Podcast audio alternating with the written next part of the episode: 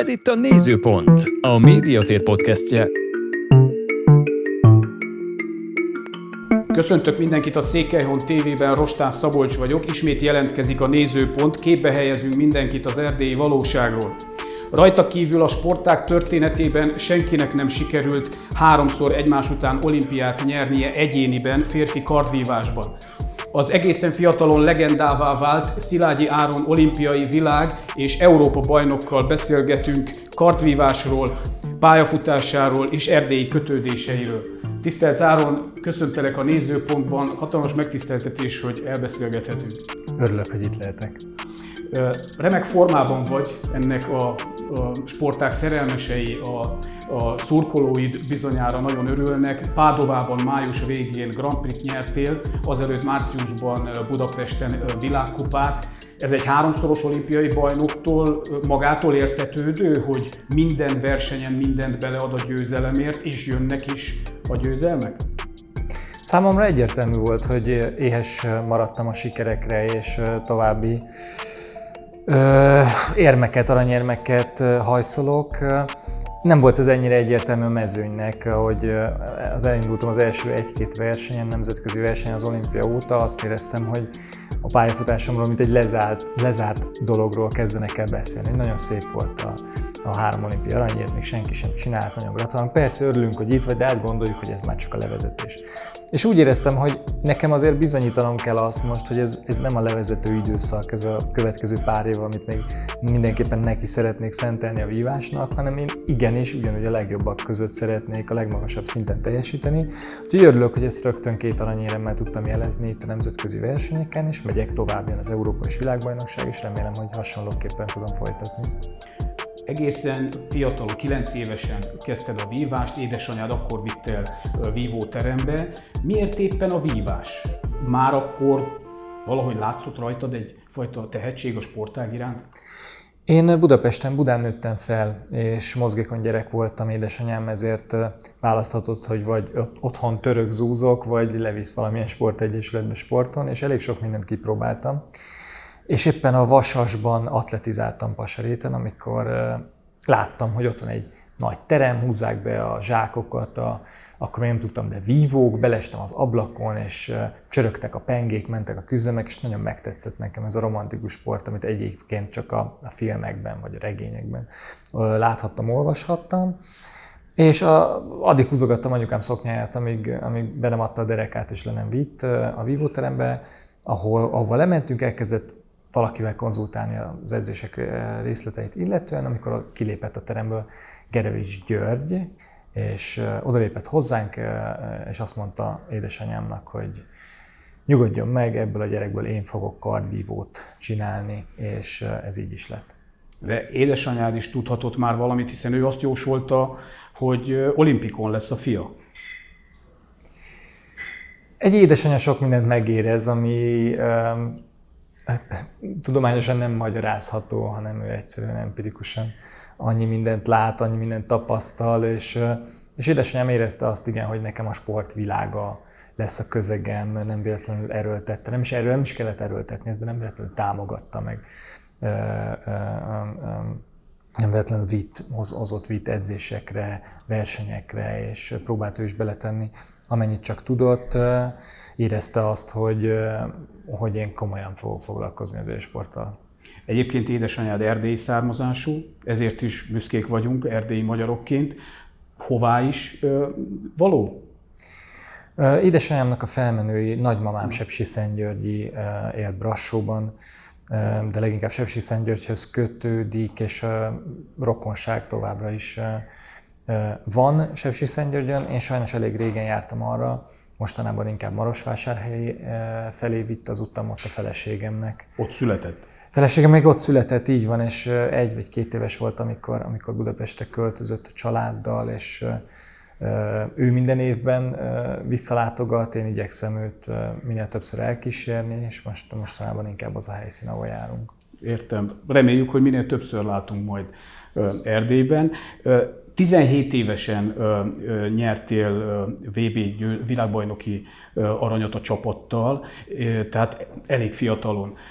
Ö, emlékszel még arra a pillanatra, amikor ö, ö, nektek ö, játszották el a himnuszt? Pillanatok vannak a 2007-es Szentpétervári világbajnokságról, ha nem is, nem is a dobogó, bár, bár ott is megvannak pillanatképek, de inkább az asszók, ahogy, hogy nem csak Zsolt beadja az utolsó találatot, vagy én, ahogy én vívom a, az asszóimat, ahogy megverjük az oroszokat egy találattal a négy közéjutásért, aminek az volt a tétje, hogy ha nem csináljuk meg, nem nyerünk, akkor biztosan nem jutunk ki a pekingi játékokra. Úgyhogy régen volt, de belém vésődtek ezek az emlékek, és egy hatalmas büszkeséggel töltött el akkor, és így visszagondolva is ezt érzem, hogy én 17 évesen ennek a csapatnak a tagja lehettem. És jöttek az egyéni sikerek is. Londonban egyéniben aranyat sikerült szerezned, még akkor is nagyon fiatal voltál, még, még gyerek, ahogy akkor hallottuk a közvetítés során. Minek köszönhető az, hogy aztán nem szállt a fejedbe a siker, és ugyanolyan alázattal készültél tovább? Valóban 22 évesen elég fiatalon lettem, főleg a kardvív, hogyha a sportágamat a kardvívást nézzük, akkor az ritkaság számba megy, talán egyetlen egy fiatalabb kardvívó bajnok volt nálam, az 1896-os győztes. Sok minden megpróbált kizökkenteni, sok olyan külső tényező került be hirtelen az életembe, ami megzavarhatta volna a pályafutásomat, de szerencsére olyan emberekkel voltam körülvéve, akik, akik folyamatosan tükörként ott álltak, és reflektáltak rám, és adtak a kritikus, sokszor nagyon kritikus véleményt is rólam, és, és ez mindig jó irányba terelt engem, és egy idő után magamban is megfogalmaztam azt, hogy bármi történik, én ugyanazt az embert szeretném a tükörbe látni, ami, ami voltam a londoni olimpia és az olimpiai bajnoki cím megszerzése előtt. És ez vezetett a Riói olimpiáig, és utána is, tehát erről, erről megpróbáltam erről az útról nem letérni, de nem voltam ezen az úton egyedül. És nehezebb volt Rióban megvédeni a címedet, mint megszerezni az első olimpiai aranyat? Ezt hogy látod így utólag? Annyiban nehezebb volt megvédeni a címet egyrészt, hogy már számítottak rám, már felkészültek belőlem az ellenfelek, analizáltak, hiszen én voltam már az egyik esélyese a Riói olimpiának. A londoni siker az hirtelen jött, tehát ott még nem volt világbajnoki érmem előtte, ugyan már pontszerző helyeket csipegettem, de nem lehetett a top favoritok közé sorolni engem. Illetve Londonban kifogtam egy olyan napot, amit hívhatunk áldott állapotnak, vagy flónak, vagy sok mindennek szokták ezt titulálni. Minden esetre azt éreztem, hogy ha a kardomat felküldöm, az magától adja a tusokat a páston, tehát ugye olyan jó állapotban voltam, nem is emlékszem az asszokra tulajdonképpen. És azt előre tudtam, hogy arra nem számíthatok, hogy Rióban is majd eljön ez az érzés, hanem ott sokkal tudatosabbnak kellett lennem nekem is. Hát sokkal több energiát és figyelmet kellett a felkészülésbe beletenni, és felkészülni az ellenfelekből, a saját hibáimból is. Tehát, hogy azt gondolom, hogy sokkal érettebb vívó érkezett már Rióban, mint aki Londonban voltam. És aztán tavaly Tokióban sporttörténelmi sikert értél el azáltal, hogy a harmadik egyéni aranyat is megszerezted sorozatban. Mitől jobb és tehát sokkal nagyobb vívó Szilágyi Áron, mint az ellenfelei? Mert eddig ez nem sikerült senkinek. Nem biztos, hogy ezt nekem kellene elemezni szerintem. Én mindig megpróbálok összpontosítani mindenre. A felkészülésemben odafigyelni nem csak azokra a részletekre, ami a szakmai munkán alapszik, hanem a fizikai felkészülésemre, a mentális felkészülésemre, a megfelelő táplálkozásra, a megfelelő pihenésre. Mindig meg, valami újat is belecsempészni a felkészülésbe, hogy ne legyen monoton, megtörni, dinamikussá tenni, folyamatosan motivációt keresni. Tehát, hogy én úgy érzem, hogy ez egy, ez egy szakma, ez egy hivatás, és én én ennek élek, tehát amikor reggel felkelek, akkor is egy sportoló vagyok, és egészen addig, amíg éjszaka nyugalomra nem hajtom a fejem, én az maradok. Az is nagy kihívás, gondolom, hogy mindenki téged akar megverni. Ez Párizs távlatában is egy, ez is egy többlet teher? Nem érzek magamon terhet, a, főleg a harmadik olimpiai bajnoki cím megszerzése óta. Azt érzem, hogy innentől kezdve minden verseny ajándék és minden megszerzett aranyérem már csak egy plusz a, a, a vitrínben. Innentől kezdve jól szeretném érezni magam, kíváncsi vagyok, hogy miben tudok még fejlődni, mi az, amit még hozzá tudok tenni a felkészüléshez, lehetek-e még komplexebb, még jobb vívó. Ezért, ezért dolgozom, de nem azért, mert rajtam van a teljesítménykényszer, hanem mert ez érdekel és élvezem. Tehát én, én nagyon szívesen megyek le minden nap a vívóterembe és töltöm ott az óráimat. Ez egy nagyon izgalmas szakma nekem, és ameddig ezt érzem, hogy szívesen űzöm, hogy a testem bírja a terhelést, addig ezt fogom csinálni. A kemény tusán kívül a vívás az egy pszichológiai küzdelem is a, a páston. Az mennyiben jelent előnyt, mennyire tudtad kihasználni azt, hogy pszichológiai ö, ö, oklevelet is szereztél, tehát pszichológiából, ugyanakkor például lehet-e használni például a matematikai gondolkodást a vívásban? A te másik nagy szenvedélyed a matematika, vagy jól tudom? A matematika volt, középiskolába jártam matematika tagozatra, de aztán másfél év itt az élet, és valóban nemzetközi tanulmányokat és pszichológiát végeztem az eltén és a, a Károlin.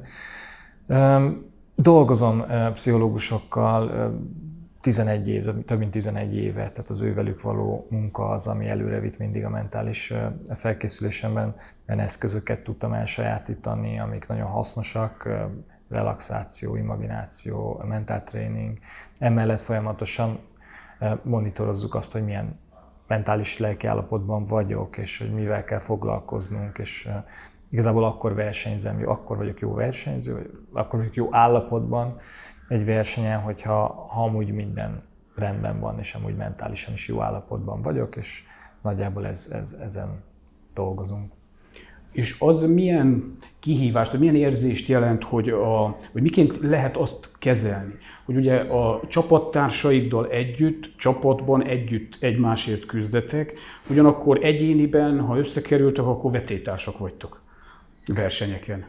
Tulajdonképpen ebben növünk bele, és azért lesz ez természetes számunkra, mert ahogy 10-11-12 évesen elkezdünk versenyezni, szinte minden versenyen, ahol egyéniben megküzdünk, ott van egy csapatviadal is, és megszokottá válik az, hogy egyik nap egymás ellen, a másik nap már egymásért összefogva küzdünk.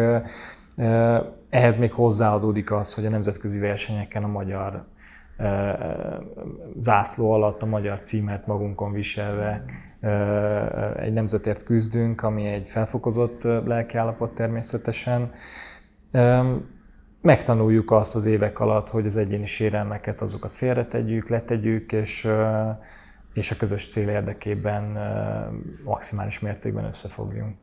Említetted, hogy egy nemzetért küzdetek, ez nagyon örülök, hogy így fejezted ki magad, azt érzed, hogy nem csak az anyaország határain belülről érkezik a biztatás, a szurkolás feléd, amikor kilépsz a pástra, hanem valóban egy egész nemzet szorít neked?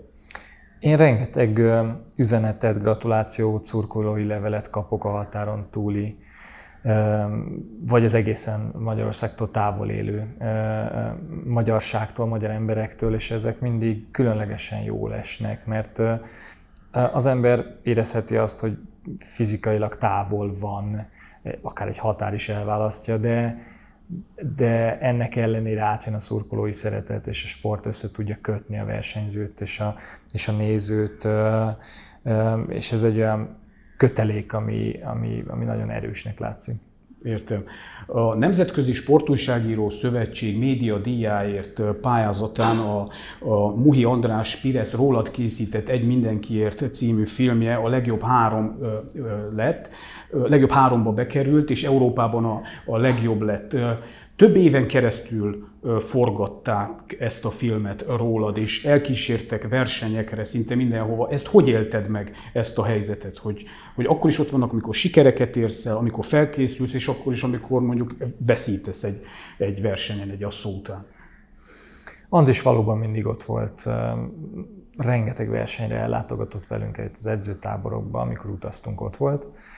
De nagyon ügyesen csinálta azt, hogy beépült a csapatba, és tulajdonképpen társunknak fogadtuk őt, és szinte már hiányzott, amikor nem jött velünk. Tehát volt olyan, hogy reptéren találkoztunk a csapattal, és éppen ő, ő, ő úgy döntött, hogy erre a túrára nem kísérel minket, és a többiek kérdezték, hogy Andris hol van? Hát nélküle nem is indulunk sehova. Úgyhogy a, az is, amikor ő a kamerával dolgozott, nem egy, nem egy kamerament láttunk, hanem, hanem ott volt Andris, és mellesleg volt a kezében egy kamera, de egyébként azt a sportban amúgy is megszokja az ember, hogy a, hogy, hogy, hogy, hogy a lencsék veszik őt, igen. Úgyhogy nem volt különösebben nehéz pillanata ennek a forgatási időszaknak. Volt olyan, hogy hogy egy verseny nem úgy sikerült, ahogy, ahogy szerettem volna, és álltam közepére kívántam a kamerát, de akkor nem csak az ő kameráját, hanem minden más kamerát is álltam közepére kívántam. Ezt is egyébként megmutatja a film, és örülök, hogy, hogy ilyen jelenetek is bekerültek, mert azt hiszem, hogy ez hitelesíti az alkotást, és mutatja meg, hogy mi tényleg őszintén akartunk mutatni egy időszakot annak a sikereivel és a fájdalmaival, kudarcaival együtt, amiből az utóbbiból talán több is van benne egyébként. Igen. A páston kívüli, a társadalmi tevékenységed is roppant aktív jótékonysági akciókban veszel részt, ugyanakkor a Nemzeti Tehetség Központtal közösen népszerűsíted a, a, te, a magyar tehetséggondozást Magyarországon, illetve a határokon túl. Miben tudsz érzésed szerint leginkább példával szolgálni a fiatal magyar tehetségek előtt? Leginkább azzal, hogy én is ezt az utat jártam be, és amikor 16-7 éves voltam, akkor több támogatás keretén belül engem fel, felkaroltak, szponzoráltak, és megadták azt az alapot, amire lehetett építeni, és amivel be tudtam törni a junior, majd később a felnőtt mezőnybe. És én akkor éreztem, hogy, hogy ez, ez tényleg kell, és ez egy nagyon hasznos társadalmi tevékenység, és én ebbe szeretnék visszaadni. Úgyhogy évek óta, ahol csak tehetem, az ilyen tehetségtámogató, tehetséggondozó programokba igyekszem hitelesen részt venni, kevésbé a szakmai munkában, inkább a reprezentációban tudom én segíteni ezeket a programokat, és nagyon örülök, hogy a Nemzeti Tehetségközponttal most már a többedik programban tudunk közösen együttműködni, a Stipendium Peregrinum pályázat kapcsán találkoztunk először, akkor a kiválasztott táborba. Két évvel ezelőtt mentem el velük, és, és töltöttem el három egyébként nagyon izgalmas, csodás napot. Magyarország legtehetségesebb, legokosabb érettségizőivel és egyetemistáival, akik külföldi egyetemekre készültek és erre kértek támogatást. Most pedig a, összekötöttük a film, a dokumentumfilm népszerűsítését a Nemzeti Tehetségközpont projektjeinek a, a népszerűsítésével, és megyünk el olyan magyar lakta területekre a határon, magyar határon kívül kifejezetten, ahol, ahol úgy érezzük, hogy erre van igény és érdeklődés. 32 éves vagy, ö, ö, meddig látod magad ö, a páston? Meddig látod azt, hogy, hogy, hogy tudsz aktívan vívni? Ugye ne felejtsük el, a te nevelőedződnek az édesapja, Gerevics Aladár, még 50 évesen is nyert olimpiát. Azóta sokat változott a világ, és nem hiszem, hogy én 50 évesen a páston fogok állni, bár ne zárjuk ki ennek az e, lehetőségét. Azt érzem, hogy most van bennem elég erő, hogy most bírom ezt a fajta terhelést, sőt élvezem. Nagyjából olimpiai ciklusokba gondolkozva a Párizsi játékokig látok előre, két év múlva remélhetőleg részt tudunk majd venni a, a, a francia fővárosban az olimpián, és sikerül meg, megszereznünk a kvótát, és minden rendben megy a felkészüléssel. Hogy az azt követő időszakban lesz-e változás az életemben, mi lesz az aktív sporttal, vagy mire, mi másra helyeződik majd át a fókusz, azt nem igazán tudom megmondani, tehát e tekintetben én nehezen szövegetek ennél hosszabb távú terveket, és kell is az nekem, hogy egyenlőre csak erre a rövidebb időszakra koncentráljak. Értem, hát legyen meg a negyedik, azt kívánjuk. További fényes sikereket kívánunk neked. Nagyon szépen köszönjük, hogy elbeszélgethettünk, és reméljük, hogy még máskor is látunk majd Erdélyben. Köszönjük szépen Szilágyi Áronnak a beszélgetést, önöknek is a figyelmet, iratkozzanak fel a YouTube csatornánkra, lájkolják a műsorainkat, viszontlátásra! Nézőpont podcastet hallották, ahol mindenkit képbe helyezünk az erdélyi valóságról.